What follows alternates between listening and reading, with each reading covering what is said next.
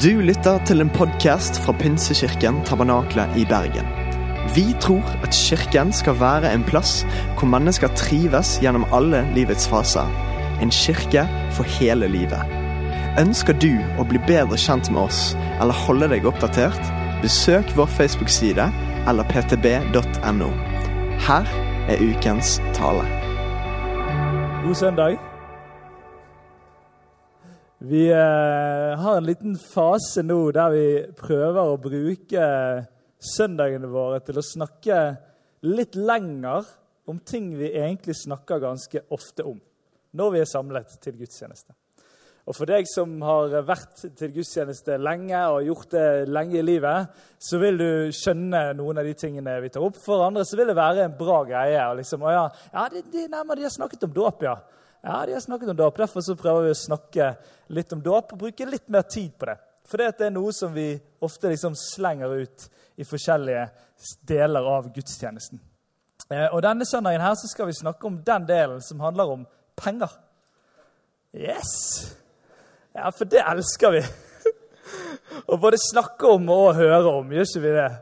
Jeg tok faktisk meg sjøl i å liksom, uh, tenke litt sånn over sånn Hva hvis vi bare droppet den bolken der? Med liksom den, den, delen der vi snakker om det at man skal gi, eller noen står her framme og snakker om det å gi, og så sitter noen der nede og tenker skal jeg gi eller ikke, eller jeg allerede gir eller gir ikke. Og så skjer det veldig ofte. liksom, Det skjer hver søndag har vi en sånn bolk. Så tenkte jeg sånn, med litt sånn skråblikk da, er det noe bra med den greien der, egentlig? liksom? Og Hvis jeg liksom ser på litt sånn kritisk og litt sånn skeptisk, da, så kan jeg av og til føle på at liksom, det er jo ingen av oss som står ofte på denne scenen som liksom sånn Å, mitt kall det er å ha den der givertjenestetalen, eller den delen der. Det er veldig få av oss som liksom dras mot den sånn Å, yes, liksom. det, det, er et eller annet der som kan av og til være sånn. Og så er det, jeg tror ikke det er folk liksom går til gudstjeneste og tenker Åh, jeg bare har så stor forventning til den der delen der vi skal gi i dag. ass. Bare kjenner det. Kjenner det på forhånd. Vokse. Og Nå skal jeg ikke si at det er sånn for alle, men det kan være denne delen kan bli en liten sånn tap-tap-situasjon, nesten. Der noen er framme prøver å si noe på en litt sånn fin måte om det, og så sitter andre og hører på som har hørt det veldig mange ganger før, men egentlig tenker at Min private økonomi den har jeg kontroll på. Jeg vet hva jeg vil gi. og sånn uansett. Det er Ingenting justeres liksom her og nå. Nå holder jeg på å ødelegge denne sansen for all framtid. Men kanskje skal jeg prøve å omdefinere litt. For jeg tror ikke at det er derfor vi snakker om det å gi, og det å gi penger hver eneste uke. Hadde det vært utgangspunktet, så hadde jeg vært ganske for å droppe den. Og Det er ikke sikkert det hadde vært så stor forskjell om vi hadde droppet den, hvis utgangspunktet var at vi egentlig ikke har så lyst til å snakke om det, og ingen har egentlig så veldig lyst til å høre om det. Men kan det være at det fins en større tanke rundt dette, som handler om å faktisk tørre å snakke om penger, faktisk tørre å snakke om å gi eh, penger i en gudstjeneste, eh, og tørre å løfte det fram? Kan det være det finnes en større tanke vi inviteres i av Gud? Om det som handler om å gi. Og kanskje er det å gi en av våre største muligheter til å stå stødig i en enormt materialistisk verden som griper litt tak i oss alle mann, tror jeg. Og kanskje kan det være at vi sitter her fordi at noen andre tok det valget og tok det igjen og tok det igjen, uansett sesong, uansett tid, om å velge å gi til menigheten. Dagens tekst står fra 2. Korinterne 9, 6-15, og du skal få lov til å reise deg mens vi leser det.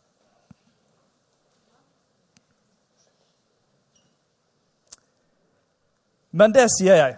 Den som sår sparsomt, skal høste sparsomt. Og den som sår med velsignelse, skal høste med velsignelse. Enhver skal gi det han har bestemt seg for i sitt hjerte, ikke med ulyst eller tvang, for Gud elsker en glad giver. Og Gud makter å gi dere all sin gave i rikt mål, så dere alltid og under alle forhold har nok av alt, ja, i overflod til all god gjerning. For det står skrevet, han strødde ut og ga til de fattige. Hans rettferd skal alltid vare. Han som gir såkorn til den som skal så, og brød til å spise. Han skal også gi dere såkorn og la det bære rikelig, og la deres rettferdighet bære rik frukt. Dere skal ha rikelig av alt som dere gjerne vil gi. Og så skal takken stige opp til Gud når vi overbringer gaven. For denne tjenesten, denne gudstjenesten, er ikke bare en hjelp for de hellige i deres nød. Den skaper også en overflod av takk til Gud. Når dere trofast har fullført tjenesten, vil de prise Gud fordi, for dere var lydige og bekjente dere til Kristi evangelium og helhjertet delte med dem og med alle. Og de nå snakker han altså om en menighet der, vil be for dere og lengte etter dere fordi Gud har gitt dere denne overveldende nåden. Gud være takk for sin usigelige gave.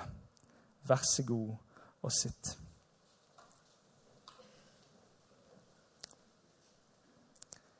Hele utgangspunktet for kristen tro handler om en Gud som gir. Han gir livet. Han gir jorden. Han gir fellesskapet med hverandre. Han skaper flere mennesker. Han gir eh, mat og mulighet for å spise. Han gir frelse gjennom sin sønn. Han gir og han gir. Og det er hele utgangspunktet for tro. At Gud gir, og at han har og har hatt eller har noe å gi og har gitt noe til oss alle sammen. Og når man som menneske vender seg mot Gud og sier 'jeg vil høre deg til', så kommer dette synet over hele verden inn i oss om at vi tror at sånn er det, at alt har sitt opphav i Gud. At hadde ikke han gitt noe, så hadde ikke vi hatt noe.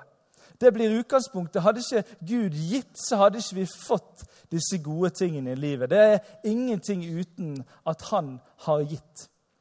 Og det er en sånn ganske stor vridning av et, av et verdensbilde som man kommer inn i som kristen. Og det er ikke alltid vi klarer å leve så tydelig med det, men hvis man går helt tilbake til kjernen, helt tilbake til akkurat liksom det eneste igjen, så vil det være sånn at hvis ikke Gud har gitt, så finnes det ingenting som vi kan få. Og når man da som menneske har vendt seg mot Gud og vil leve sammen med Han, så blir man mottaker av det som Gud gir. Noen av tingene har man vært mottaker uten å vite at det var Gud som ga allerede.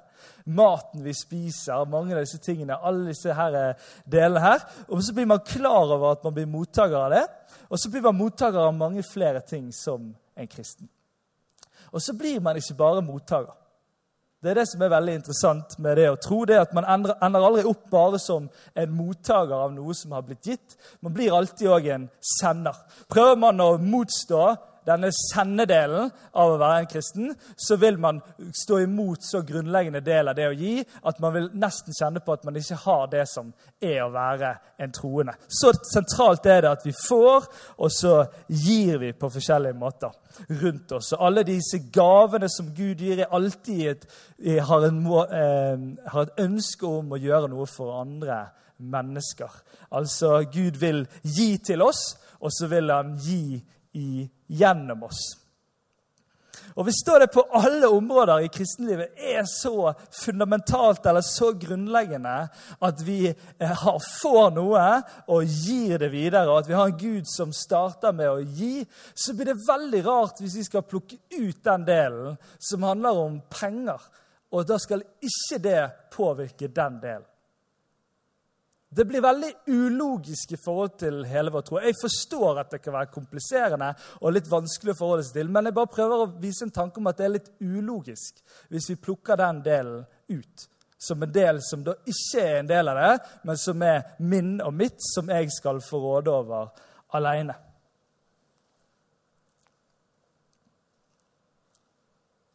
La oss lese helt i starten hvordan det hele startet. I første Mosebok 1, 28-31. Gud velsignet dem og sa til dem.: Vær fruktbare og bli mange. Fyll jorden og legg den under dere. Dere skal råde over fiskene i havet, over fuglene under himmelen, over alle dyr som de kryr på, kryr, kryr på jorden. Og Gud sa, Se, jeg gir dere alle planter som setter frø, alle som finnes på hele jorden, og alle trær som bærer frukt med frø i. Det skal dere spise. Og de til alle dyr på jorden og alle fugler under himmelen og alt som kryper på jorden, alt som har livsånd i seg, gir alle grønne planter å spise. Og det ble slik. Og Gud så på alt det han hadde gjort, og se, det var svært godt. Og det ble kveld, og det ble morgen. Sjette dag. Hvis dette verdensbildet eller denne tanken for hele mitt liv blir at jeg har fått alt som jeg har, så blir ikke jeg først og fremst en eier en som eier masse. Og nå er det sånn at På papiret så eier jeg en del ting. Skal dere vite. Men jeg er ikke først og fremst en eier med det bildet i hodet av at Gud har gitt alt. Jeg er mer en forvalter. Jeg, spilte, jeg, har spilt mye fotball i mitt liv, og vi pleide å ha noen sånne begreper i fotball som handlet om at hvis, hvis noen liksom ble eid på fotballbanen, så var det dårlig stemning. Det var jo aldri meg, det, da. Men det var, det det var jo sånn at Hvis man ble eid på fotballbanen, det handlet om at noen hadde liksom rundlurt deg. Altså tunnel rundt på siden. Eller liksom uh, no look pass, som liksom du trodde det var der. Altså, dere skjønner hva jeg mener. Nå skal jeg ikke gå videre inn i det. Har masse på hjertet der. Så ble man eid på banen, men man ble faktisk, og det det handlet om, var at man ble rundlurt av noen. Og nå er det sånn at Vi eier masse, og vi eier mange ting. og Hvis vi tar hele bildet om forvalterskap, så kan vi kanskje vri på det, men allikevel så ligger det der at vi eier masse ting. Og så kan det virke som at det sniker seg inn en greie av at vi òg blir eid av tingene. Hvis man går på forvalterbegrepet og Hvis det f.eks. handler om å forvalte penger, så kan det handle om at vi bruker penger klokt i forhold til den hensikten og de verdiene man ønsker ut av pengene. Og Hvis vi bruker begreper som hensikt og verdier, så må vi forstå at det å håndtere penger er en stor del av et liv som en kristen. En liv som disippel, som vi har snakket om en del i år.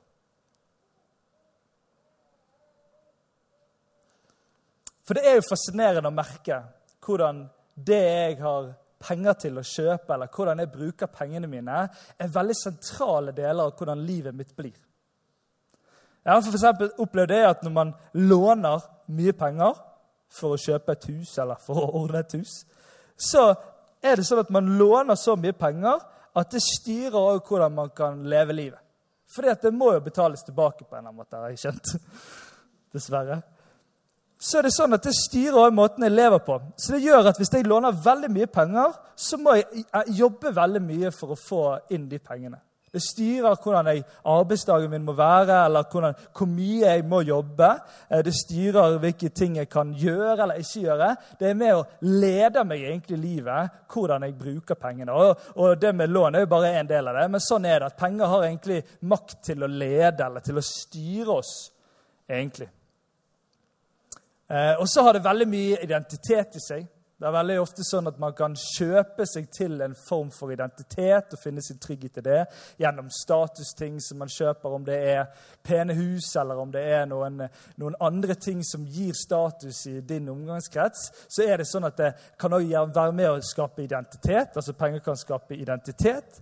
Og det kan også være med å definere hva som er viktig for meg. fordi at det man faktisk bruker penger på, er ofte det som blir viktig for deg.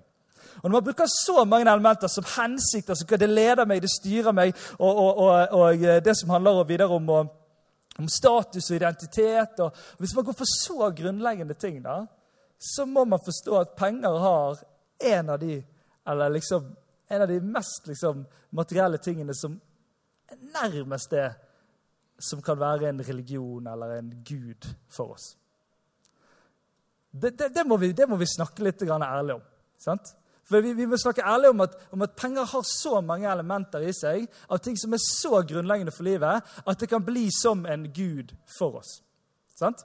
Det er en, en, en, en potensiell mulighet. Og, og I Matteus 6, 24 så står det det jeg tror ikke det, det kommer ikke på skjerm, så bare hør det her. Ingen kan tjene to herrer. Han vil hate den ene og elske den andre.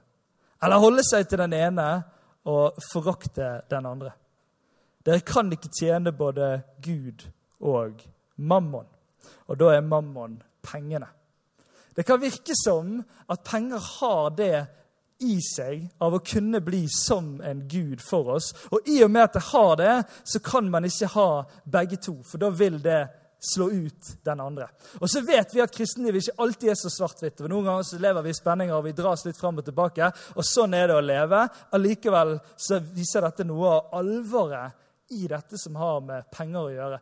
Og kanskje òg argumentet for at selvfølgelig må vi snakke om det her i kirken.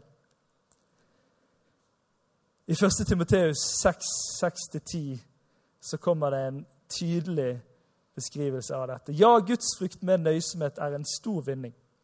For tomhendte kommer inn i verden, og tomhendte må vi forlate det. Har vi mat og klær, skal vi nøye oss med det. Men den som vil bli rik, faller i fristelser og snarer og gripes av mange slags tåpelige og skadelige begjær som styrter mennesker ned i undergangen og fortapelse. For kjærligheten til penger er roten til alt ondt. Drevet av den er mange ført vill, bort fra troen, og har påført seg selv mange lidelser. Og Nå vet jeg at dette er et voldsomt språk å rope ut på denne måten. Men er det én ting vi må forstå, er alvoret i at det finnes noe her knyttet til det som har med penger å gjøre. Fristelsen til at det blir det vi lever for. Fristelsen til at vi tror at det er det vi lever for, eller det som gir oss trygghet i livet, vil Bibelen være meget tydelig på at det er stor, en stor utfordring for mennesker som tror. Og jeg vil også si at det er en stor utfordring for mennesker generelt. Men hvordan skal man liksom imøtekomme dette? Hvordan skal man sikre For det, det jeg har hørt litt, i møte med dette, så er det sånn Ja, da skal jeg iallfall sikre meg at jeg ikke har penger. det er liksom en god strategi. sant? Har ikke jeg penger, så kan ikke det bli en gud for meg. Og det er feil. I vårt samfunn er det sånn at har du ikke penger, så kan det like gjerne òg føre til at det blir en gud i livet. Fordi at mangel på det blir så krevende noen ganger og styrer så mye av tankevirksomheten vår og bekymringen vår at det kan like gjerne ende den veien.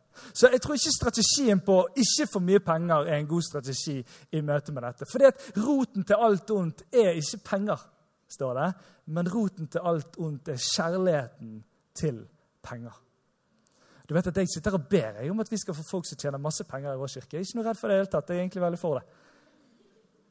Jeg tror det er veldig, veldig bra. Jeg sier det rett ut. Er det greit, eller? Men utfordringen er at det kan være noen farer i det. Og Derfor så må vi aldri som kirke og fellesskap slutte å utfordre oss sjøl og andre mennesker rundt oss til å gi. For det fins ingen bedre medisin imot mammon eller det at det skal bli en gud i livet, enn at man gir og gir og gir. Dette er ikke en salgstale for Pinsekirken Tabernakle. Dette er dypt inn i disippelskap og livet sammen med Gud. Det virker å være den beste medisinen at vi skal være med og gi. Og finne glede i å gi. Jeg kom hjem fra India for 13 år siden. Jeg hadde vært der i fem måneder og vært der så lenge at den verden var blitt en del av liksom, det jeg forholdt meg til. Og når jeg da kom på Gardermoen og la meg i den myke sengen, som egentlig ikke i norsk standard var myk, men som jeg opplevde var helt sinnssykt god å ligge i, så, så fikk jeg akkurat som fikk et, et, nytt bilde av Norge. Eller jeg fikk en mulighet til å se Norge litt fra utsiden. Jeg husker at jeg, jeg var nesten fysisk kvalm over utfordringen Norge sto i i forhold til materialisme. Jeg var en ung mann, jeg var veldig radikal, så jeg prekte det mye. Jeg vet ikke om det var gode prekener, for jeg tror de var litt voldsomme. Men jeg opplevde at jeg hadde vært i et land fullt av masse åndelighet masse åndelighet som òg var utfordrende. Som gjorde at eh, en tolk kom for seint til et møte fordi han måtte be for noen som var fylt av onde ånder. og Vi skjønte ikke helt hva dette gikk og syntes det var voldsomme greier. og tenkte sånn, nei, I Norge er det ingenting av dette åndsgreiene i det hele tatt. og takk og lov for det. Og Så kommer jeg hjem og så opplever jeg egentlig at Gud sier til meg at hør da, skjønner du ikke hva som skjer i denne verden? Hvor det griper mennesker, hvor det binder mennesker, hvor det holder mennesker nede. Dette med penger og materialisme. Hvordan det ødelegger familier. Når arveoppgjøret skal skje, så er ikke det sorgen og, eller gleden over den som har levd før og, og gitt deg muligheten til dette. Nei, Da blir det fighten om de pengene, og så brytes familiene. Det er så mye som er knyttet til dette. Veien er ikke å unngå det, veien er å forvalte det. Kanskje skal vi begynne å tenke mer at det er ikke mitt, men det er Gud som har gitt, og jeg som får lov til å være med og gi.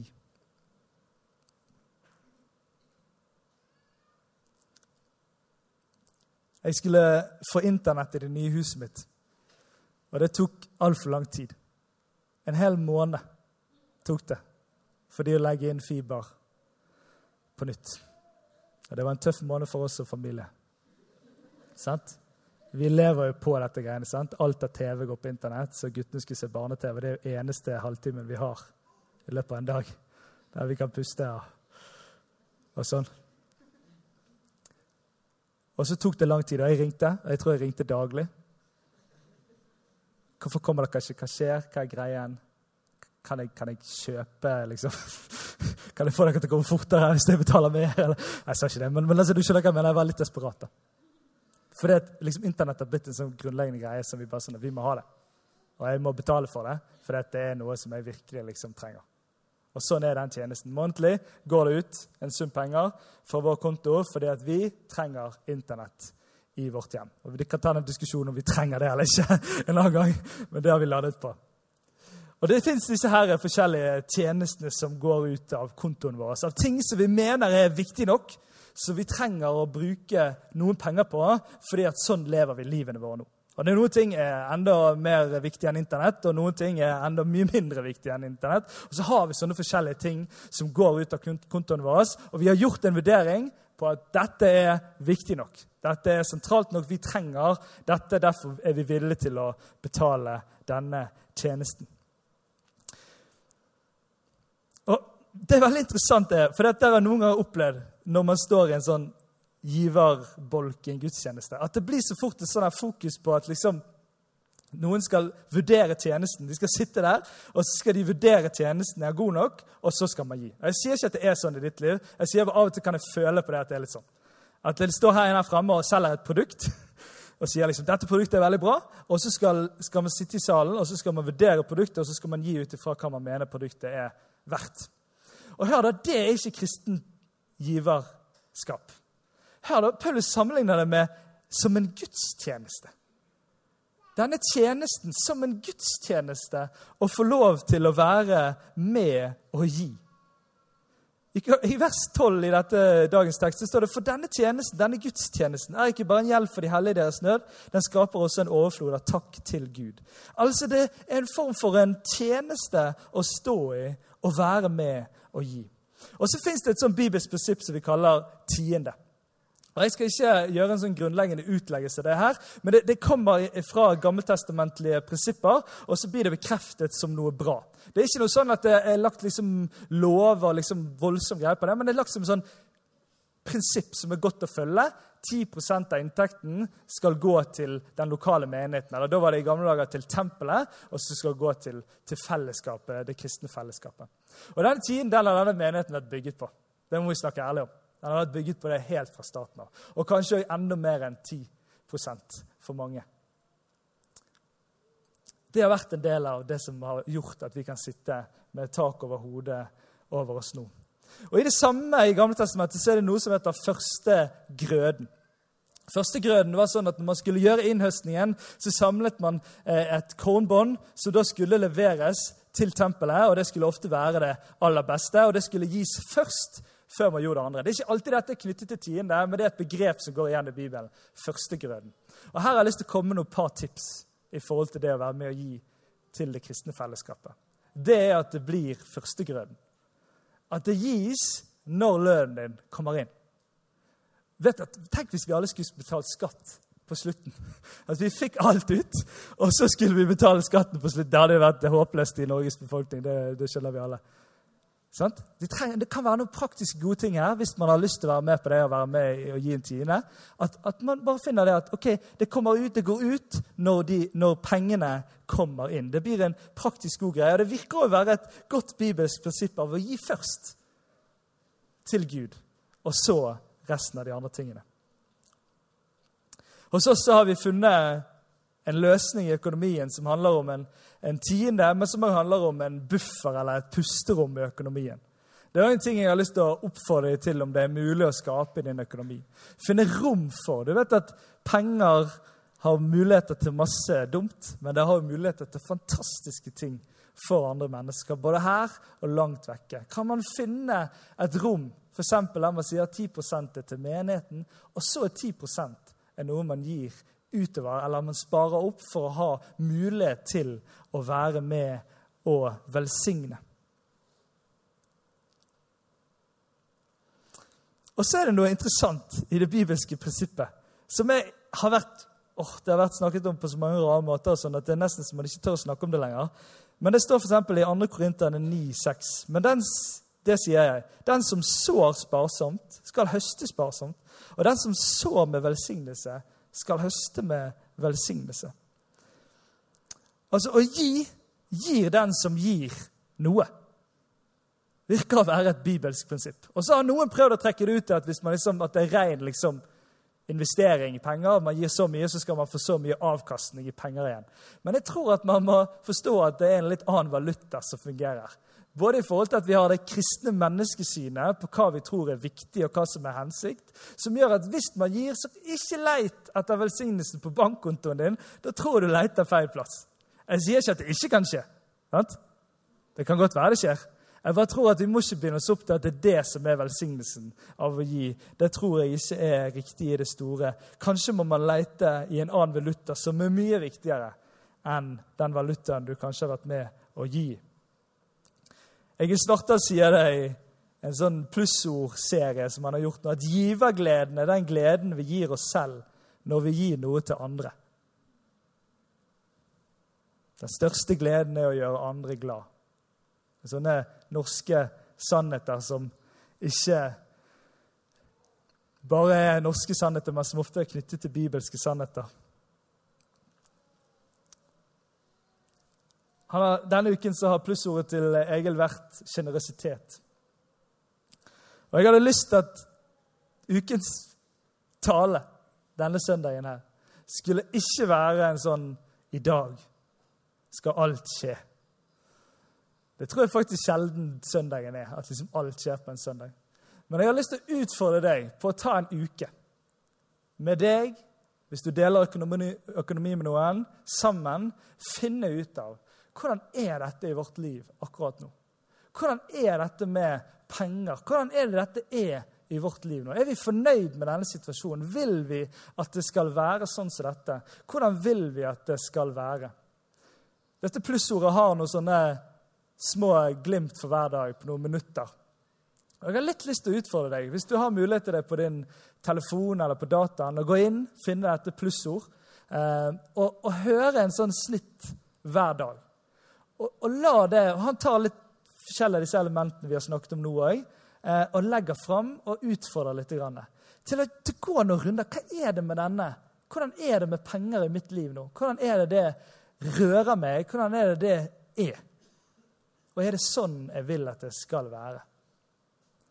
Så tror jeg kanskje at med dette, som med mange andre ting, så er det sånn at det er trengs å gå prosesser. Sunne og gode valg, sunne og gode prosesser som handler om at man får gode beslutninger som varer over tid. Vi er altfor glad i å gjøre bestemmelsen i nuet, og så blir det tøft på mandagen. Men at kanskje dette kan være en sånn uke.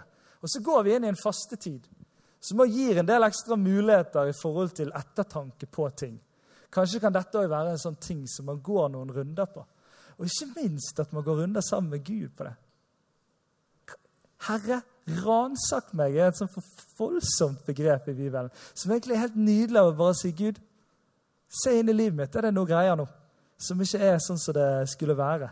Og kanskje tørre om å be det inn i det som har med det økonomiske å gjøre. Vi kommer aldri til å gjøre det som kirke. Vi kommer aldri til å gå lenger enn å snakke om at det er viktig å gi. Du må gå reisen videre på det. Og det er veldig, veldig viktig at du kjenner at det er du som er sjefen i det.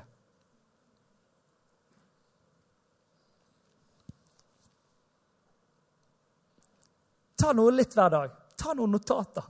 Gjør en litt sånn grundig jobb, da. Ikke la det være noe som du liksom levd på hele livet. og så bare sånn, ja, men her er det, Gå en runde. Finn ut av det. Kjenn på det. Hva er det med penger? Hvordan er det hos oss i denne tiden? Du vet at Å gi det starter med at det er Gud som gir. Det er hele bildet vårt som kristne av hvordan det er å være til. Og vi får være forvaltere av det som allerede er gitt. Både mottakere og sendere. Og få lov til å bruke det vi har, etter hans hensikt og verdier. Og Det er ikke alltid verdens hensikt og verdier. Det er ikke alltid våre behov og våre tanker som gjelder alltid. da. Og så tror jeg at potensialet av at fellesskapet gir inn til fellesskapet, er at vi kan se historien videre. Tenk hvor fantastisk det måtte vært for de som la ned første stein, la ned første del av både dette bygget eller denne menigheten for 100 år siden, og kunne se fram at Se her! Det fortsetter å vokse, det fortsetter å gry. Det fortsetter å tas nye steg. Wow! Ja, det vil jeg at det skal være 100 år fram i tid i mitt liv òg.